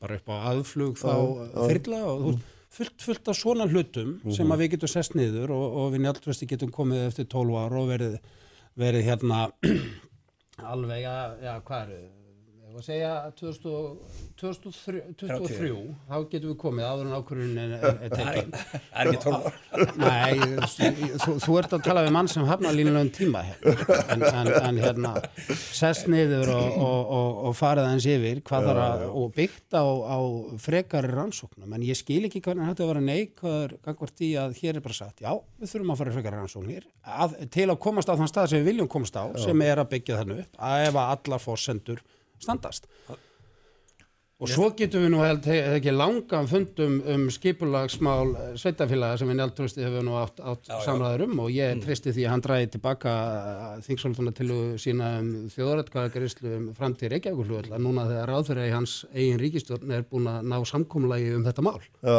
einmitt njáltrösti þú ert hérna og ennið sko því Sigmundur Daví nefndi og það var nú hérna sveitungi þinn okkar, mm. hafskuldur sem var á þingi síðastlaði til sérstaklega um Reykjavík og hann er færið til skiplasvaldið yfir húnum yfir því fært inn á þing. Já, ég geta að koma með fréttinu hérna. Ég byrjaði að leggja þetta fram í bæjastum nækura Já, akkurat. Já, það, sko, með, með þetta. Já, og eftir enn þeirra skoðunar? Ég er alveg, það verður fínt að fá fram vilja þjóðurinnar og var þetta sérlögin eh, fyrst að tala um að þjóðrækka, ég kláði það. Eh, varðandi sérlögin, þá er ég að horfa til bara eins og með ríksinteressi, svíþjóð og annar staðar. Bromma er gott dæmið um það í Stokklumi það sem er nýlega teknað ákvarðanir þar um að Bromma sem er flugvöllurinn þar.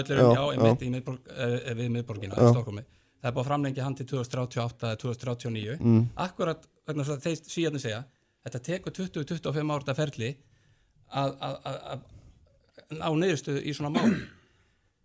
Það sem við greinlega höfum nálgast þá við kollegi minn hér í, í þessu samtali hér er akkurat þessi rannsóknar þáttur og það er verið að benda á þessu skýslu Mhm. sjáu ártölun á skýslunum sem við erum að tala um allar komið, allar að teim, svaraði svaraði bara skýrt. Finn, finnst þér að ég færa skiplusvaldi frá sveitafélaginu til ríkisins í þessu? Er, er það sem þú ert að segja? Ég vil uh, þessi skoða, hvað sem þetta og ýmislegt annað, teikskóur og ymsa framkvæmdi vitt og breytt sem, sem að varða öryggis hagsmunni landsins, Mhm. þjóðar öryggi að þeir séu teknir undir eins og vestræni heimurinn er að gera. Eins og Svíþjóð, þetta er í Nóri og Breitlandi Ég vissi að Og teikskóru og vandramáli, ég vissi nú ekki að það var það þjóðaröryggi. Nei, það var þarna verið að tala um umferðarslýsin Já, og já, já, ég og, og að halda stríða já, já, ég veit það það. er- já, En að þú, þú, það væri þín skoðun og þú myndir samþykja það eða lagt fram á þinginu til að það reykja okkur hljóður við færið undir ríkið hvað skiplasvaldar það myndir segja já Já, ég myndi gera það. Og vegna nákvæmlega þessara hugmyndafræði eins og svíðarnir Já, eru með síðan myndi ég aðeins vilja er þá Mm. var lagður þegar að Fornibú hætti og nýja völlurinn kom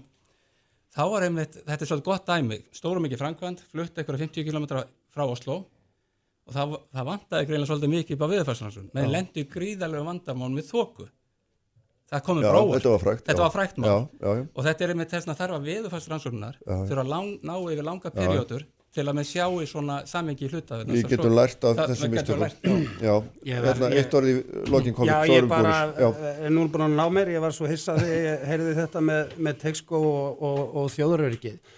Því að með sömu rökum er hægt að taka nánast hvern einasta, hver einastu vega framkvæmd á Íslandi og segja að hún varði þjóðaröryggi. Við getum bara sagt hér við öll sveitafélag landsins, þið hafið ekkit um það að segja hvernig við viljum leggja vegi í gegnum landið ykkar af því að þetta varðar uh, vega framkvæmdir í dag varða allar umfriðaröryggi. Uh, Vaðalaheiðagöngin hefðu þátt að fara í þjóðrætkvæðagreyslu, svo dæmis ég tekið. Þannig að mér finnst menn verið að fara að tegja sig ansi, ég ansi já, langt. já, já, já. að Við skulum ekki festast í nei, nei. Það var ódýrt skot hér. Ég- ég- en, en, en sko menn eru fann að tegja sig ansi langt og, og ég var að við því þegar menn veifa þjóðaröryggis ákvæðinu, trompinu sem á að vera trompið sem þú notar já nánast aldrei. Mm. í vega framkvæmdum að því að um þar eru deilur því að þá erum við að opna dyr sem að uh, opna bara ormagrifi. Ég veit, ég- ég, ég verð að- já, hérna- vegna þjóðaraugisins Já. ég er að tala um flutningsgerir raforki ég er að tala um brík, þess að bara já, já, helstu þetta er það sem er í nóg þetta er bara sér umræðu sem tekið í hálftíma. Já en, en, en, en, þetta en hún er búin núna. Takk báðir fyrir að koma. Takk. og hérna, þetta var áhugavert og frólægt, allt saman, þið bestamál en hérna Stefán Einar Stefánsson og Jakob Bjarnar Gretarsson verið hérna eftir, við ætlum að tala um blaðamennsku fjölmjölun og verkvært blaðamanna. Sprengisandur.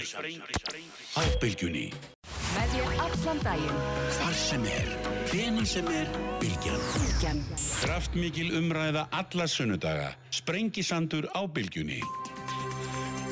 Sælir afturlustendur, uh, Kvassarhönns umræðinni lokið uh, með þeim Kolbeinni Óttasinni Proppi og Njáli Traustaða Fribertsinni. Þeir eru sesti hjá með þennan blaðamennir Stefán Einar Stefánsson og Jakob Bjarnar Gretarsson. Uh, Sæli Piltur og velkonni báðir. Takk, takk. Uh, það, eru, það, er, það er margt að gerast í fjölmjöla heiminu núna. Þetta, eitt af því sem er óvanlegt er að blaðamenn fór í verkvall, fyrsta skipt í 40 ár og það gekk nú svona misvel. Hérna, Stefán þið á mókanum þið vöktu nú litla hrifningu með all svona eina stjættvísu með því að halda áfram vinslu á vefnum þrátt fyrir að þetta vera vinnustöðum uh, en svo sjáum við líka að og, og, á sama tíma, mókinn sagði 15 manns og, það er nú hérna miklar umræður um að uh, þessi yfirvóðandi uppsagnir fleiri blaðamanna, bæði hefur maður heyrt af já, ég er nú alltaf ekki verið með hraksbóran neina nafngrinda það borgar sér ekki. Jú, jú, láttu, jú, láttu það vaða. Eh, hérna, það eru þetta umræðum um hérna, fréttstofu stöðatöðu sem hefur nú alltaf verið undanfærin ára og hérna sem ekki gera kannski meir úr því en efnir til. En, en, en hérna, og síðan er þetta þessi umræðum fjölmjölulögin nýju ríkistyrki til engareikina miðlar sem að fer mjög misjaflega í, í menn. Og hérna ég veit ekki, þú tala mikið um það Jakob að blaðamannastjættinni sé sínt fyrirlitning bæði í svona samningum og svona almennt tala í launakjörum og hérna og einhvern veginn svona maður les bara út úr þessi heilsinni svo ég bæti nú enn einu við að við erum í gargandi samkeppni við erlenda risa miðla og auglýsingamarkaði sem dregur auðvitað úr tekjum allra, það er augljóst mál. Hann er svona, ég veit ekki staðan er einhvern veginn skrítin, daldið brotætt, ef að byrja þar? Staðan er náttúrulega bara mjög flókin og, og þetta er búið að vera svolítið lengi, þetta er búið að vera hægt og bítandi, það er þjarmað okkur úr nákvæmlega öllum áttum. Mm. og eitt atriði sem þú nefnir ekki er til dæmis það að þið ofinbæra hefur veitt sko ómældu fjármagni í það að gangar hennilega inn í störfblaðamanna með falsfréttum Nú, Pítur Gabi Já, þeir hafa sem sagt, sko, þeir eru búin að raða upplýsingaföldrúum á alla pósta, koma sér upp, hérna, þeir eru búin að koma sér upp vefsíðum á öllum póstum með ærnum tilkostnaði, með þess að lögreglan er farin að segja af sér fréttir sjálf. Tilkynningar sem okkur berast frá ráðun, ráðunættunum, þetta, kalla, þetta eru tilkynningar, þetta kallaðir fréttir. Sem sagt, hið opimbera hefur verið á þeirri leið að vilja segja af sér fréttir innan gæsalappa mm. sjálfur, þetta eru auðvitað ekki fréttir í neinum skilningi, við skilgrinum fréttir ekki svona, sko, þetta eru tilkynningar. Mm. fréttir breytast í fréttir þegar einhver hlutlægur hefur farið um þar höndum skrifað vonandi með gaggrínum augum um það sem að um ræðir. Þú segir ekki fréttir á þér sjálfur. Það breynilega sprítur í, í báa við eitt af helstu bóðorðum í, bara í öllum síðareglum uh, blagamannafélagar sem við þekkjum. Já, já Þetta er, sko, þú, þetta er bara eitt atriði. Það sem hefur verið að, að stöðut verið að þrengja að stjættinni Stjættin hefur verið seinþreitt til vandraða Það sem hefur gerst á eftir hrun er sem sagt þetta að takstarnir hafa alltaf verið til málamynda. Mm. um, Þeir hafa bara verið svona einhvers konar uh, formsatrið í raun og veru. Það hefur engin, sko fyrir hrun þá samtengin á tökstum, þessum tökstum Það sem gerist eftir hrun er það að bladamönnum er gert að taka á sig verulega kæraskerðingu og þegar og, og, og það er talsverður atkerfisflótti úr stjættinni þeir sem er að reka fjölmila hafa þá leið á því lúalæginu í staðin fyrir að láta þetta ganga tilbaka. Ég man ekki hvort þetta var 10% eða eitthvað. Svona give or take sem að stjættin þurft að taka á sig almennt hafa svo verið að ráða þá sem koma nýjirinn í stjættina á tökstum sem að mm -hmm, mm -hmm. menn hlóu bara að á, á sínum tíma þannig að kjör stjættarinnar hafa meðan aðinni sótt úr ýmsumáttum skroppið saman og þau eru hreinlega nýðurlægandi ég mm. bara held ég ég held að það sé alveg óvægt að segja það -hmm. Hva, Stefan, hérna þú heyrði þessi lýsingu og þú hefði tekið upp hanskan fyrir eigundum morgunblassins um það að hérna, halda út í fréttaflutningi þrátt fyrir verkallin útskýru það hans í þessu samhengi. Hvernig það hérna, þjónar hagsmunum þinna kollega og þín sjálfs? Já, er auðvitað, þetta eru samninga viðræður sem að mitt félag stendur í. Það er að semja fyrir já, mig eins og já, mína kollega. Já, og ég er sammála á Jakobi Bjarnar í því að, að bladamenn er ekki óvalens í ett síst af öllu. Um, það reyndar er mísjönd eftir fjölmjölum að hversu miklu leiti keirt er á þessum tökstum og morgunblæði hún státa reyndar af því að, að það er ekki margi sem að gera það. Mm. um, en uh, þessi deila sem að snýr að mbl.is og fréttavaktinni sem hefur verið haldið gangandi þar þá er, gætir ákveðis miskilnings eða kannski vil fólk bara miskilja þá hluti. Að verkfallsrétturinn er, er uh, lögbundin og menn geta beitt honum eftir lögformlegum leiðum og lagt niður störf Um, það felur í sér uh, mjög íþingjandi stöðu fyrir fyrirtækin mm -hmm. sem á móti hafa líka uh, lögformlegar leiðir til þess að draga úr þeim neikvæða áhrifum sem verkvallin valda. Svona í, í, alvarlegast aðgerðin sem að fyrirtækin geta gripið til er, er verkbann. Á þá sem að eftirsitja sem ekki eru í verkvalli þá eru þeir sendir heim og menn hægt að borga launa af því fólki. En uh, miklu vægari leiðir eru sér að viðukendar leiðir sem að lúta því að uh, yfir menn, í þessu törki rittstjórarblasins og síðan þeir sem ekki eru í viðkvæmdi stjættafélagi þeir með að halda vinnu sinni áfram mm -hmm. og svo fréttavætt sem að hefur verið í gangi á mbl.is og þar með haldi fréttaflutningi opnum fyrir almenning í landin og með þessi uh, verkstöðun hefur staðið þetta er allt unnið af bladamannum sem að hafa í gegnum tíðin að skrifa fréttir inn á mbl.is En er þetta ekki svona, þetta er aldrei lítið svona í gangvart kollegonum að gera þetta svona? Hvað er samstæðan, Stefán? Nei, já, sko samstæðan lítur að því Og sérstaklega, Stefáni, samstæðan í þessu ljósi sem við erum að tala um, þessu heldarsammingi, skilur Já, fyrirtækið ver að sjálfsögðu stöðu sína já, já. og þeir sem að ekki eru í stjættarfélaginu eiga þeir að leggja niður vinnu. Þeir eru ekki verkvalli, þeir hafa ekki Nei, rétt á að leggja niður vinnu, það er, það, þeir, það er þá bara hýrudráttur af, af hálfu eh, þessa fólks. Þannig að þeir sem ekki eru í, inn í félagunum, þeir halda auðvitað sinni vinnu áfram og þetta er kannski veikleiki á baráttu uh, félagsins, þar að segja að það, þetta er ekki eins og hjá náttúrufræðingum þar sem að það eru bara náttúrufræðingar sem Mm. sinna störum náttúrufræðinga. Í hópi bladamanna eru einstaklingar sem eru í öðrum stjættafélagum eru jafnvel utan stjættafélaga og mega það á grunni félagafrelsis. Og fyrst að þessir uh, aðlar eru þarna til staðar uh, inn á riðstjórninni, þetta er ekki menn sem eru keiftir uh, En finnst þér ekki, þú lítur að viðkynna þetta dregut aldrei máttin úr svona hvað maður að segja, samstöðunni, já, dregut aldrei máttin úr áhrifum, áhrifum sem þetta hefur. Þetta dregum áttin úr verkvallinu, það Já, er rétt já, já. og fyrirtækið hefur rétt til þess að, að standa vörð um En sína hagsmunni starfsemi fyrirtækisins eru að, að hlýtur að vera að fjölminu sé haldi úti af tröstum og vönum, blagamönnum og góðu kaupi sem að hérna, almenningu tristir en ekki, ekki eftir einhverju, einhverju það- öðru og, sko. og, það- nei, og reyndar sko, þannig að það sé bara ítrekkað Já. að þetta eru reyndir bladamenn sem Já, að ég er sinna ekkert að þessu draga það í efa, ég er bara að tala um heilt yfir, sko. það er ekki eins og þarna sé verið að draga eitthvað fólk inn á gödunni sem og við erum alveg sammála því að fjölmiðlarnir lifa ekki af til lengri tíma nema þar sé öflugt fólk sem að fái góð laun Mhm.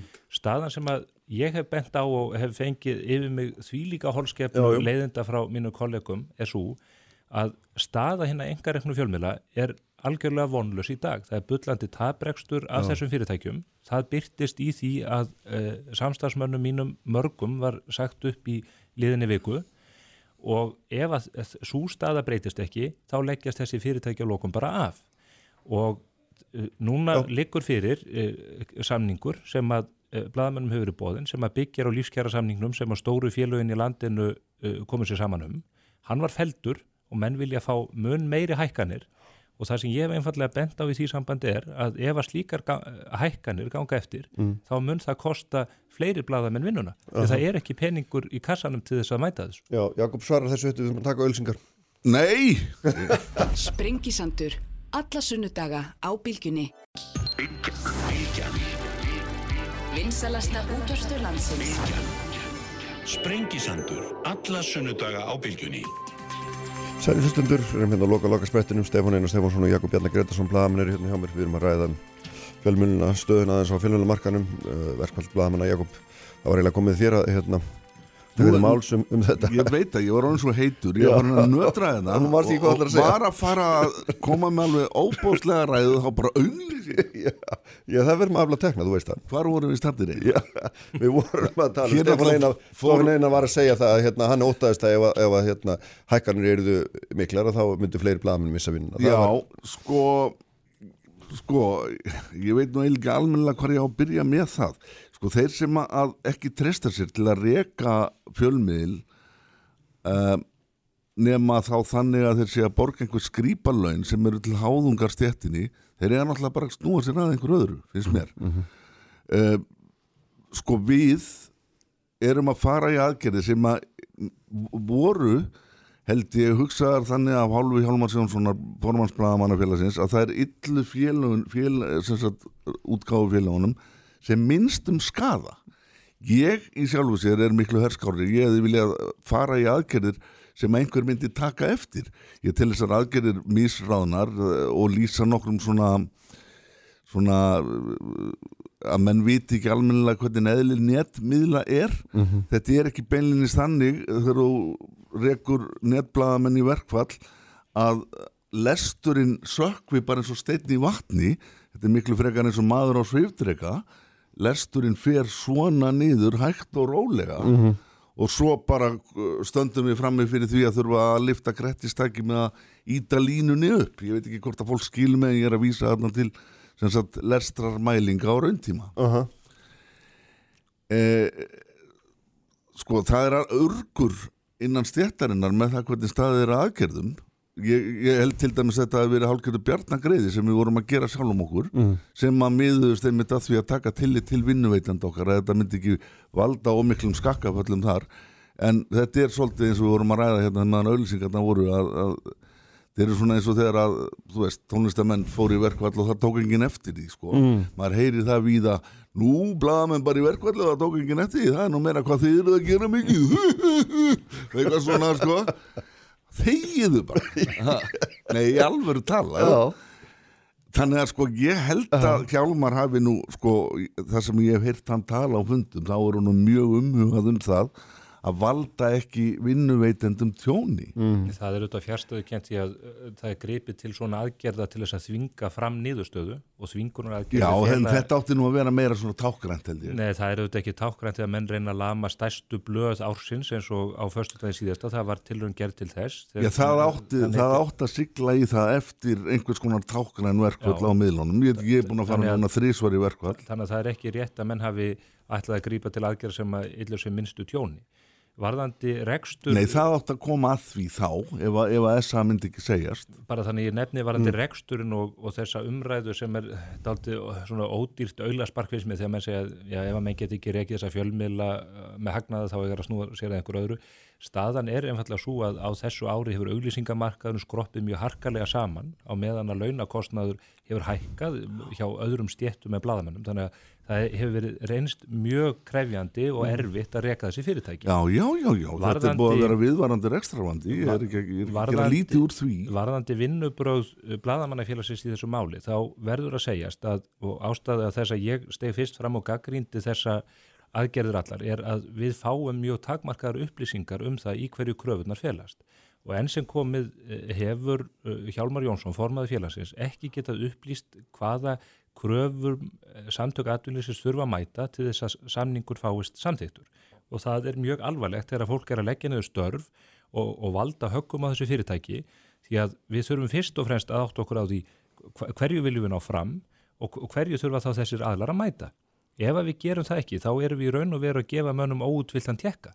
Við sem bara uh, fulltíða einstaklingar, ég tala nú ekki um bladamenn sem taka sig hátílega uh, með uh, hlu, hlutlega hugsun, þeir eiga ekki að styðja aðgerðir sem þeir vita ekki hvað fælst í. Og eitt sem að ég vil nefna líka Já. sem er undarlegt við þessa aðgerð að eh, samningurinn sem var uh, borin undir félagsmenn og kolfeldur um daginn. Í honum eru ekki ákvæði um stýttingu vinnuvíkunar eins og hefur verið algjört grundu allar atrið í samningum flestra stjætta Akkurat. upp úr krafsinu hefur komið að Hjálmar Jónsson formaður blaðmannafélagsins barðist gegn því að þessi ákvæði eru sett inn jafnvel þó að það myndi ekki kosta félagið neitt í öðrum ákvæðum samningsins. Og hann mætir á fund upp, upp á mokka og kynna þetta fyrir félagsmenn og segir já við höfum engan áhuga stýttingu vinnuvíkunar, við vinnum hvað sem er svo mikið þar situr fullt af ungu fólki. Ég tel mig nú enn í þeim hópi og Jakob Bjarnar kannski líka við, eh, svona þetta er nú afstætt fyrirbæri. En eh, fólk er með börn og, og mikla skuldbindingar.